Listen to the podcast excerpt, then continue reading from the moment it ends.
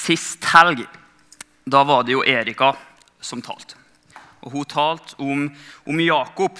Eh, og I dag så skal vi se på en historie til Josef, Jakobs sønn. Eh, og jeg tror det er mange som har hørt om Josef, typisk gjennom søndagsskole, kanskje bibelskole. og alt sånt der. Eh, og det er veldig mange spennende historier vi kunne snakka om ut fra Josef sitt liv. Eh, men jeg stopper opp ved én historie eh, hvor vi kan hvor spørsmålet 'Hvorfor skal vi bry oss om Guds bud?' møter oss. Eh, men før, før, vi kommer til den historien, så tar vi bare fort liksom, og bare ramse opp Josef. Eh, hvem han er. Eh, han er sønn av Jakob, som Erik hadde om, og han er favorittsønn hos Jakob. Og Faren behandler han som en favorittsønn. Han får en kappe av Jakob som er veldig fin, og som gjør at brødrene hans blir veldig misunnelige. Eh, og I tillegg til det her, så har Josef sånne drømmer eh, som han forteller til brødrene sine og familien sin om at de skal bøye seg ned og liksom tilbe Josef nesten. Eh, og Det her gjør brødrene kjempemisunnelige, eh, og de blir så irritert at de til slutt selger han til en karavane da, som slave. Eh, og Så kommer Josef til Egypt med denne karavanen, eh, og så blir han slave til Potifar. Potifar er en hoffmann i Egypt.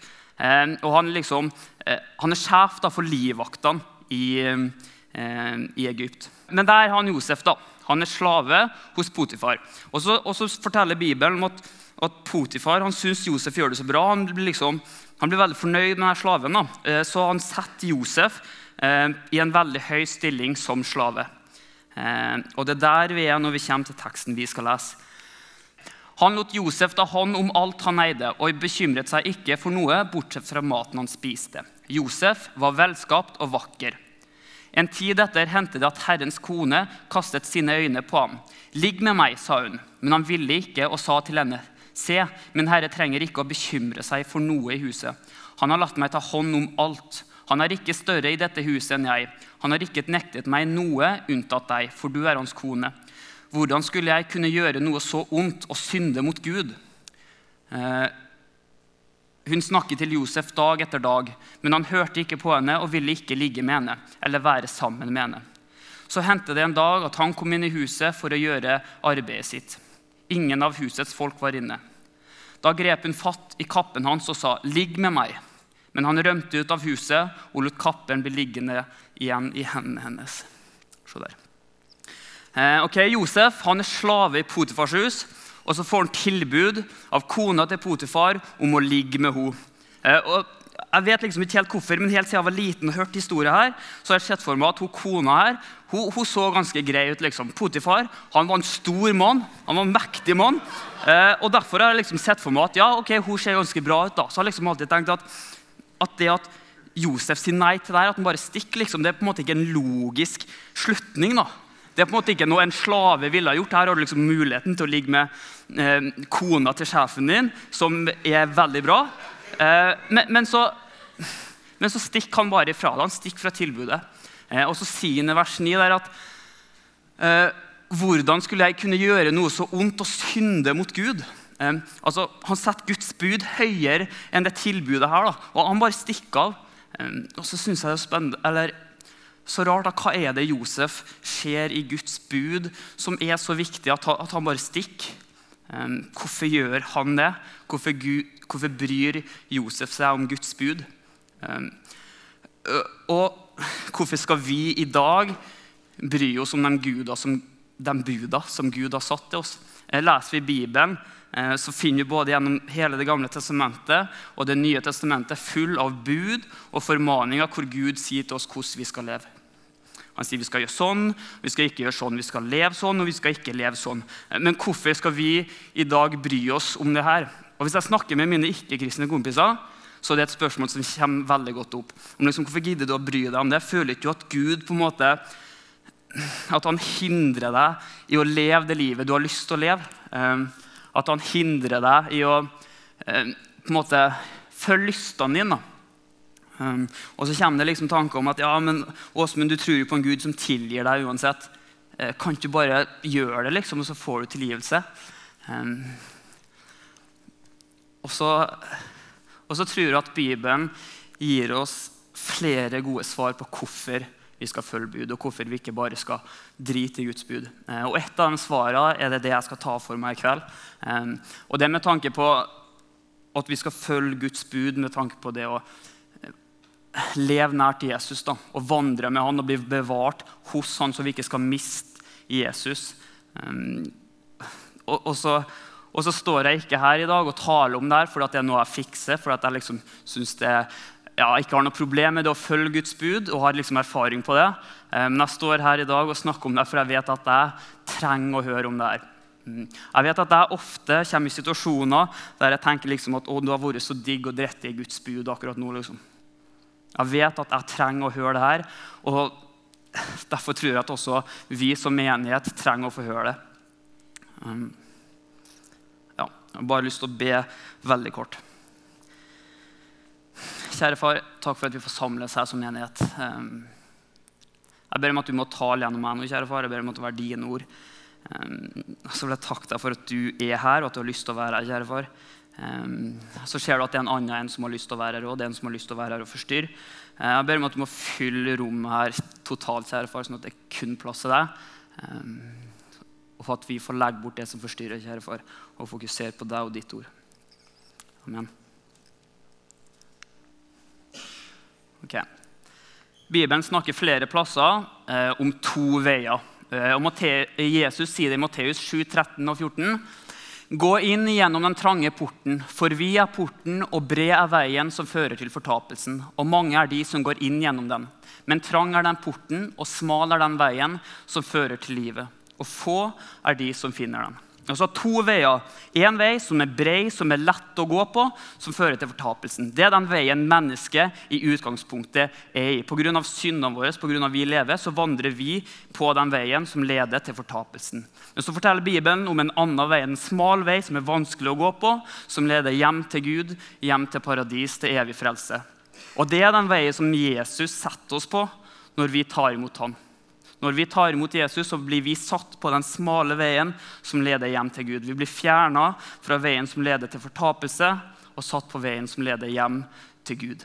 Um, og, det, det, er en ganske tøff realitet. å tenke at Jeg og du og alle vi kjenner, vi går enten på en vei som leder hjem til Gud, eller en vei til en evig fortapelse. Alle mennesker går på en vei som enten fører til paradis eller til fortapelse. Bibelen legger ikke fram et tredje alternativ. Du går enten på veien til paradis eller på veien til, til fortapelsen. Um, og så forteller Bibelen at den veien som leder hjem til paradis, det er en vei med farer. Det, det, er en vei som er vanskelig å gå. Paulus skriver det eh, om, om, at vi står i en kamp i denne veien. Det er en kamp om sjelen vår. Eh, og, og, så skriver han i Feserne 6,12. For vår kamp er ikke mot kjøtt og blod, men mot makter og åndskrefter, mot verdens herskere i dette mørket, mot ondskapens ånde her i himmelropet. Det er det vi er kamp mot. Det er den som prøver å dra sjela til dem som går på veien mot paradis, over på veien som leder til fortapelsen. Det er våre fiender. Og det er liksom Det er ikke bare bare det her. Altså. Det er liksom sjuke krefter.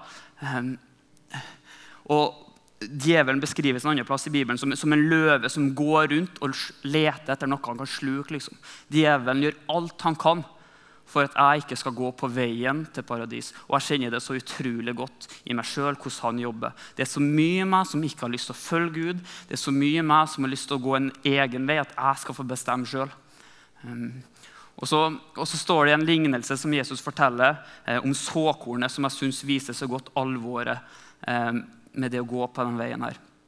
Og Der står det eh, noe falt midt iblant torner. altså Såkornet falt midt iblant torner. Og tornene vokste opp sammen med det og kvalte det. Eh, såkornet i lignelsen er det Guds ord. Da. Og jordsmonnet som det lander i, det beskriver hvordan mennesker reagerer i møte med evangeliet. Og så står det det som falt blant tornebusker, er de som nok hører ordet, men som på veien gjennom livet kveles av bekymring, rikdom og nytelse, så de ikke bærer, frukt, de ikke bærer fullmoden frukt. Altså vi ser Det er noen som hører, det er noen som vandrer på veien hjem, men livet på jorda det kveler kristenlivet. Det verden har å tilby, og all lysten vår, liksom, det kveler kristenlivet vårt og får oss å liksom skifte vei. da. Vi har så mye heller lyst til å følge det der enn det Gud har kalt oss til. Og så, og så plutselig så befinner vi oss på veien som leder bort fra Gud. Og snakker du med en kristen i dag som, nei, snakker du med en person som har vært kristen, men som ikke er kristen lenger i dag, så vil så vil flesteparten si eh, at den omvendelsen den skjedde ikke i løpet av et øyeblikk. Liksom. Det var ikke én ting eller et spørsmål som gjorde at de plutselig ikke var kristne lenger. Det vil si at De slutta eh, å bruke tid med Gud, de slutta å bry seg om hva han sa, de slutta å møte opp i menigheten og høre på Gud, hva Gud hadde å si, til de en dag plutselig fant ut at nei, det der det tror ikke jeg på. Det der, nei, jeg, jeg tror ikke på det, og jeg, jeg, tror liksom ikke Gud har noe å si inn i mitt liv. Um, og det, det, er liksom kvelinga som det står om, er liksom en sånn slow death. da. Alt det verden har å by på, kan liksom bare kvele kristenlivet vårt og dra oss bort fra Jesus. Og, og Det er en fare som, som jeg synes er kjempeskummel, og som jeg, jeg må være obs på. Det at jeg er kristen i dag, det gir ingen garanti for at jeg om 5-10-50 år fortsatt hører Jesus til. Det er så mye som har lyst til å dra meg bort fra Jesus. Vi står i en kamp om sjelene våre, og fienden vår er kjempesterk. Men det som er så fint, det er at han som er på vår side, han er så ufattelig mye større, så ufattelig mye sterkere um, enn våre fiender. Jesus han døde på korset sånn at vi skulle få lov til å komme til ham. Han åpna veien til himmelen. Han satte oss på veien som leder hjem til paradis. Og I tillegg til det at å sette oss på denne veien som leder hjem, så har han gitt oss sitt ord med sine bud, sånn at vi skal klare å leve nær til han og leve med han. Salme 119, 105 er et veldig kjent vers. og det er et veldig kjent vers, eh, og det synes jeg er så fint. Der står det ditt ord er en lykt for min fot og et lys for min sti. Altså På den stien som jeg går, på veien hjem, skal jeg få bruke Guds ord til å lyse opp stien. Jeg skal få bruke Bibelen til å se hvor jeg skal gå, og hvor, hva jeg skal unngå, hvordan jeg skal leve, og hvordan jeg ikke skal leve. Hans ord, Bibelen, det er min lykt gjennom livet. Det er det som skal peke ut retninga mi. Og så, bruker Bibelen ofte bildet på, mellom oss og Gud som en far og en sønn. En far som elsker sønnen sin.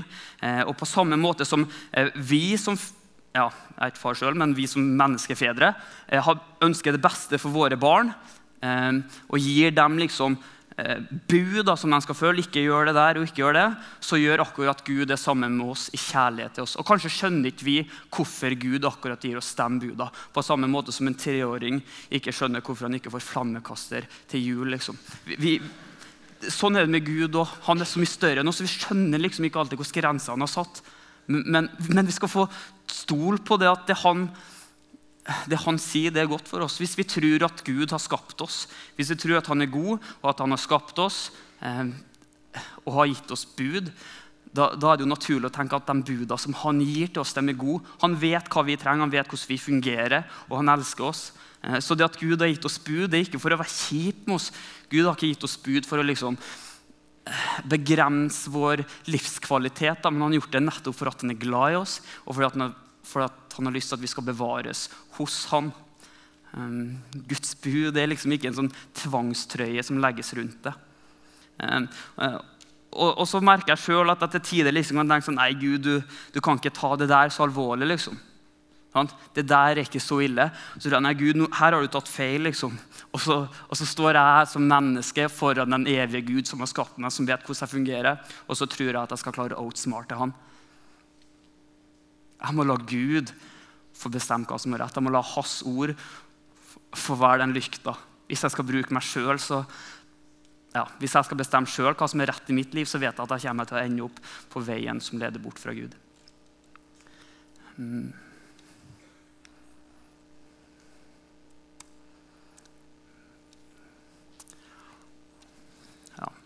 Jeg nevnte at jeg så lett har for å tenke at jeg ofte vet bedre sjøl. At jeg kan sjøl liksom sette grenser for hva som er lurt og ikke. Um, og så kan jeg liksom tenke at nei, det der det tar Gud ille. Liksom. Jeg skal ikke drepe folk, jeg skal ikke bryte ekteskapet, jeg skal ikke stjele. og sånn. Um, men tanker, liksom, sant? Det å, det å tenke seksuelt om andre, det å hate noen liksom bare i tanker, det å baksnakke folk, det er ikke så ille. Gud kan ikke ta det så alvorlig. Så viser Bibelen at det, der tar vi helt feil. Jesus sier det i Matteus 5,28. Men jeg sier dere, den som ser på en kvinne for å begjære henne, har allerede begått ekteskapsbrudd med henne i sitt hjerte. Om ditt høyre øye lokker deg til fall, så riv det ut og kast det fra deg. For det er bedre for deg å miste én kroppsdel enn at hele kroppen blir kastet i helvete. Så alvorlig tar Gud bare tanker. Så alvorlig er det for Gud. Så farlig er synda for oss. Og så syns jeg det er så kult med Josef som bare springer i møte med fristelsen. Han har fått se hvor viktig Guds bud er, og hvor godt det er å leve med Gud, og hvor farlig det er å ikke leve med Gud. Han bare springer. Og, og kanskje skal vi òg fly fra synden. Kanskje skal vi òg sette opp grenser i våre liv. Kanskje skal vi sette opp grenser i, i, i, kjærlighetsforhold. Kanskje skal vi sette opp grenser i prat når vi vet at okay, hvis vi fortsetter på det temaet, da kommer vi til å enten baksnakke noen eller snakke stygt om noen. Kanskje skal sette grenser og si ok, nå, når vi kommer hit, da, skal, da jeg trekke meg ut av samtalen eller skifte samtaleemne. Eller bare si ifra at det her går ikke. Vi kan ikke kose oss og underholde oss med det Jesus svetta blod for. Vi skal ikke nyte Jesus, det Gud hang på Golgata for. Gud tar tanker kjempealvorlig, og da skal ikke vi kose oss og nyte oss og underholde oss med det.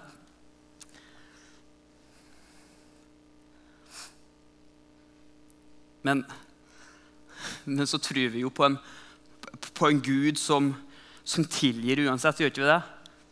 Vi, vi, er jo frelst. Kan ikke vi liksom bare gjøre litt sånn som vi vil, og så komme til Jesus og, og få tilgivelse? Bare så det er sagt, Kommer du til Jesus og ber om tilgivelse, så får du tilgivelse. Det er ingen tvil om det. Eh, men jeg har lyst til å bare stoppe opp ved litt den tanken der om at vi bare kan leve som vi vil, og så får vi tilgivelse. Eh, for det er en tanke som jeg vet liksom kan smyge seg inn til meg, og det er en tanke jeg er veldig redd for. Hvis, hvis jeg går rundt med den innstillinga at jeg, jeg, skal leve sånn som jeg vil, og så på kveldstid skal jeg be en bønn om Gud om å tilgi meg, selv om jeg egentlig ikke angrer på det. Liksom, jeg vil jo gjøre det. Når jeg da ber Gud om at han skal tilgi meg, ber jeg egentlig om tilgivelse? Er det noe i hjertet mitt som angrer på det jeg gjorde? Eller lurer jeg meg sjøl? Jeg, jeg, vet ikke. Om, om jeg, hvis, jeg, hvis, jeg, aktivt går inn for å synde, angrer jeg egentlig da på det jeg gjorde? Hvis jeg, hvis vet at ja, jeg ber bare i kveld om tilgivelse? liksom. Um, og så Like etter den versa som vi la oss i stad om de to veiene, så fortsetter Jesus med en skummel tekst. Eh, han forteller om at det skal komme falske profeter som skal forsyne falske Jesuser. Det skal komme mennesker som forkynner en Jesus som ligner originalen, men som ikke stemmer. Kanskje skal de gi liksom den der fake Jesus noen ekstra egenskaper som gjør at han tiltrekker seg folk. Og skal de fjerne litt sånne egenskaper som, eh, som folk ikke vil ha. da. Eh, og Så forteller han videre om hvordan det skal gå på dommens dag. Eh, og så kommer de versene i Bibelen jeg tror kanskje jeg syns er de skumleste. Som, som gjør meg redd. Det står i Matteus 7 21-23. Ikke enhver som sier til meg, 'Herre, Herre', skal komme inn i himmelriket, men dem som gjør min, min himmelske Fars vilje. Mange skal si til meg på den dagen, 'Herre, Herre, har vi ikke profetert ved ditt navn', 'drevet ut onde ånder ved ditt navn' 'og gjort mange mektige gjerninger ved ditt navn'? Da skal jeg si dem rett ut. Jeg er aldri kjent med meg. Bort fra meg, dere som, gjorde, dere som gjør urett.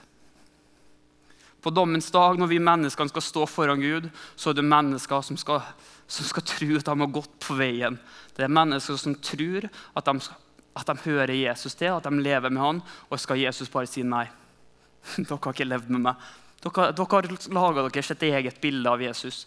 Og det, den Jesusen dere har, det er på ingen måte den Jesusen jeg og den Jesusen som Bibelen forteller om. Jeg syns det er kjempeskummelt. Hvem lar jeg definere hvordan Gud er? Skal jeg sjøl tenke ut hvordan Gud er, eller lar jeg faktisk Bibelen få bestemme hvordan Gud er? Og jeg er så redd for, jeg syns liksom det er så mye fint med Gud. Og, liksom han, han, er så kjærlig, han er så nådefull. Jeg kan alltid komme til han. Og det er kjempefint. Det Det er helt sant. Gud er sånn. Men, men vi må ikke lukke Gud inn i den bobla der. Gud er så ufattelig mye mer enn det. Vi må ikke overse verser og kapitler som forteller om en hellig Gud som hater synd. Den samme guden som er kjærlig og god, det er han som i Det gamle testamentet utrydder byer pga. deres synd. Den guden som er så kjærlig og god, det er den samme guden som tar synd så alvorlig at han sjøl kommer ned, fornedrer seg sjøl og blir menneske. Ligger og svetter blod i Getsemane i møte med den straffa han skal. Det er den guden som strekker ut sine armer på korset. Gud dør for synda. Så alvorlig tar han den. Og jeg merker liksom at det, det er så mye lettere på en måte å, å like det, den gudssida som er så god og kjærlig, liksom, eh, enn alt det alvorlige her liksom, som jeg vet taler meg midt imot. Um, men, så, men, så, viser verset her at jeg må, jeg må la Bibelen bestemme hvordan Gud er. Jeg kan ikke lage meg et eget bilde om at Gud er nådefull og kjærlig, og så driter han i hva jeg gjør. liksom. For, for Gud er ikke sånn. Hvis jeg har et sånt bilde, så, så, er jeg veldig redd for at jeg skal stå sånn på, på dommens dag, og Gud skal si Åsmund, du har ikke trodd på meg, du har laget et eget falskt bilde om hvordan jeg er.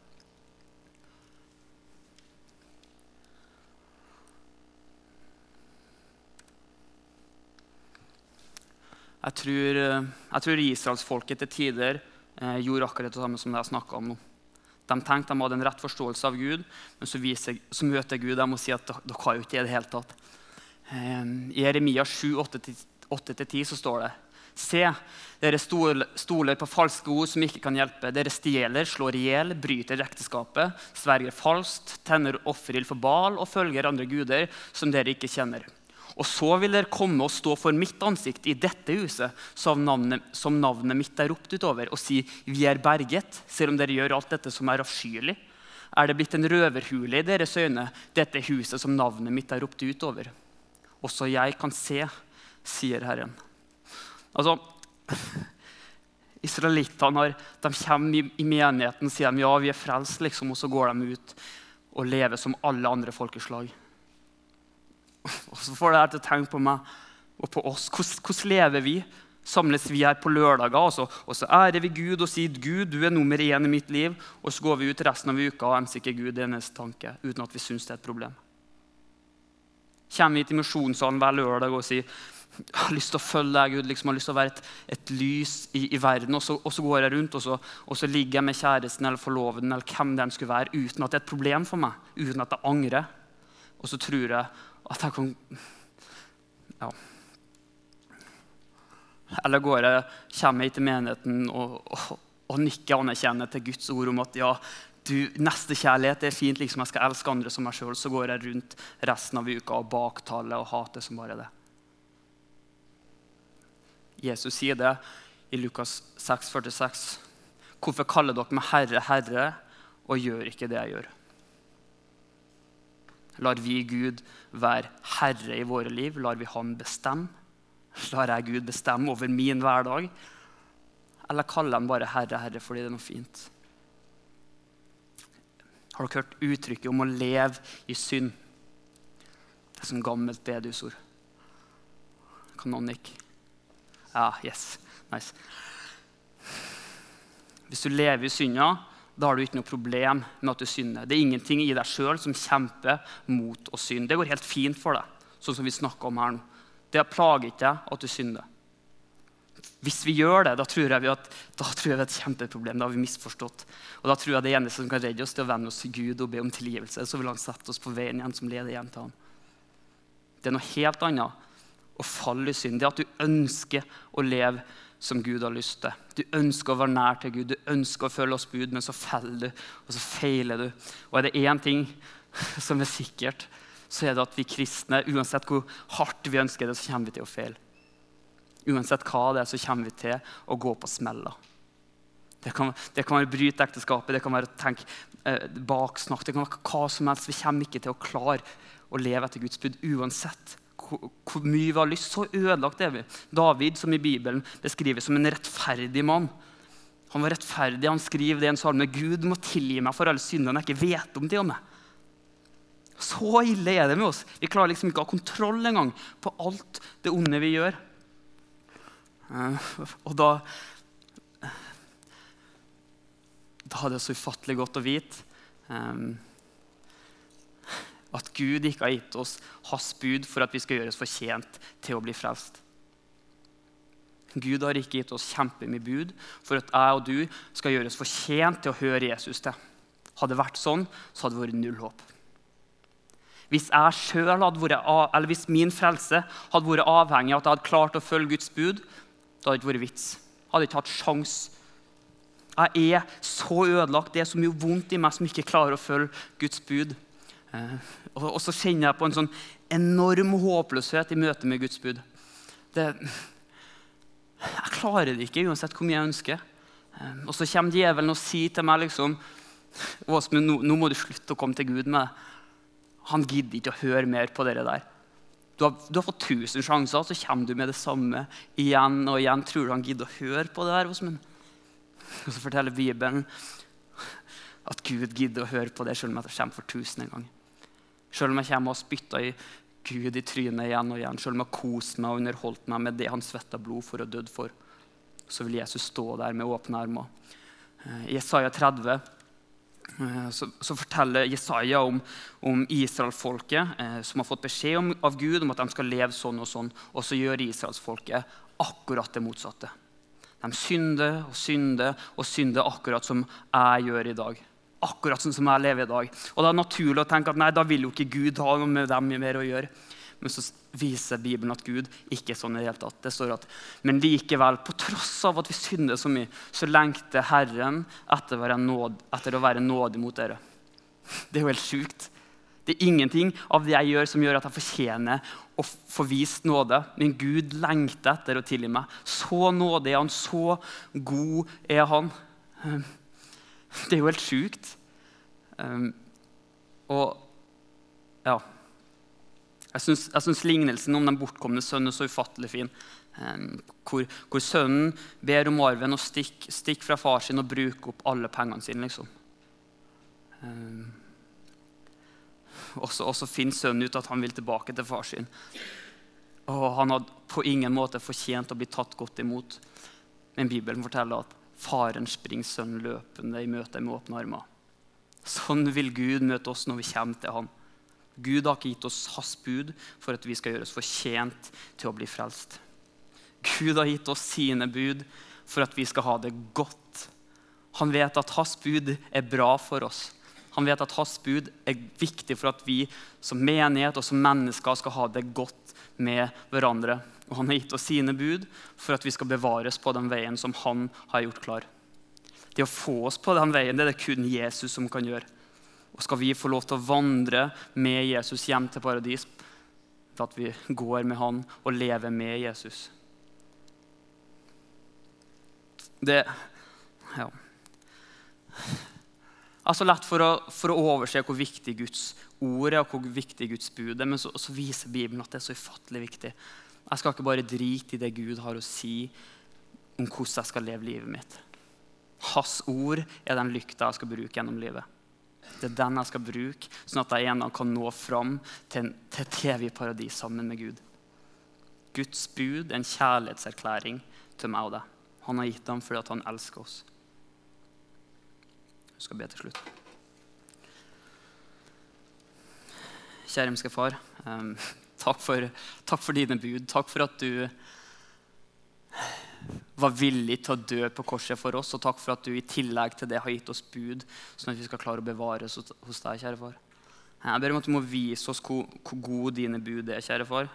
Jeg ber om at du må gi oss eh, styrke og, og, og visdom til å stå i den kampen vi står i, kjære far. Takk for at du kjemper med oss. Og takk for at vi uansett kan komme tilbake til deg og be om tilgivelse. kjære far. Takk for at du alltid vil stå med åpne armer. Amen.